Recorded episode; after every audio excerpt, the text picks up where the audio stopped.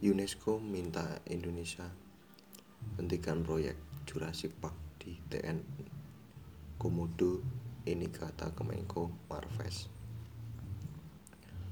Komite Warisan Dunia UNESCO meminta pemerintah Indonesia menghentikan semua proyek pembangunan infrastruktur pariwisata di kawasan Taman Nasional Komodo.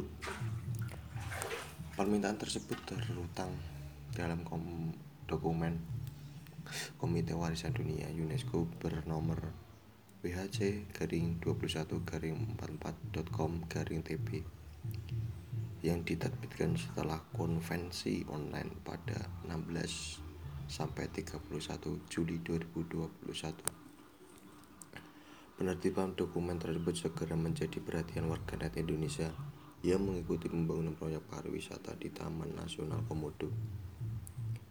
Sejak diumumkan, sebagian pihak mengungkapkan bahwa kekhawatiran pembangunan proyek pariwisata dalam skala masif itu akan mengancam kelestarian ekosistem dan konservasi satwa langka komodo.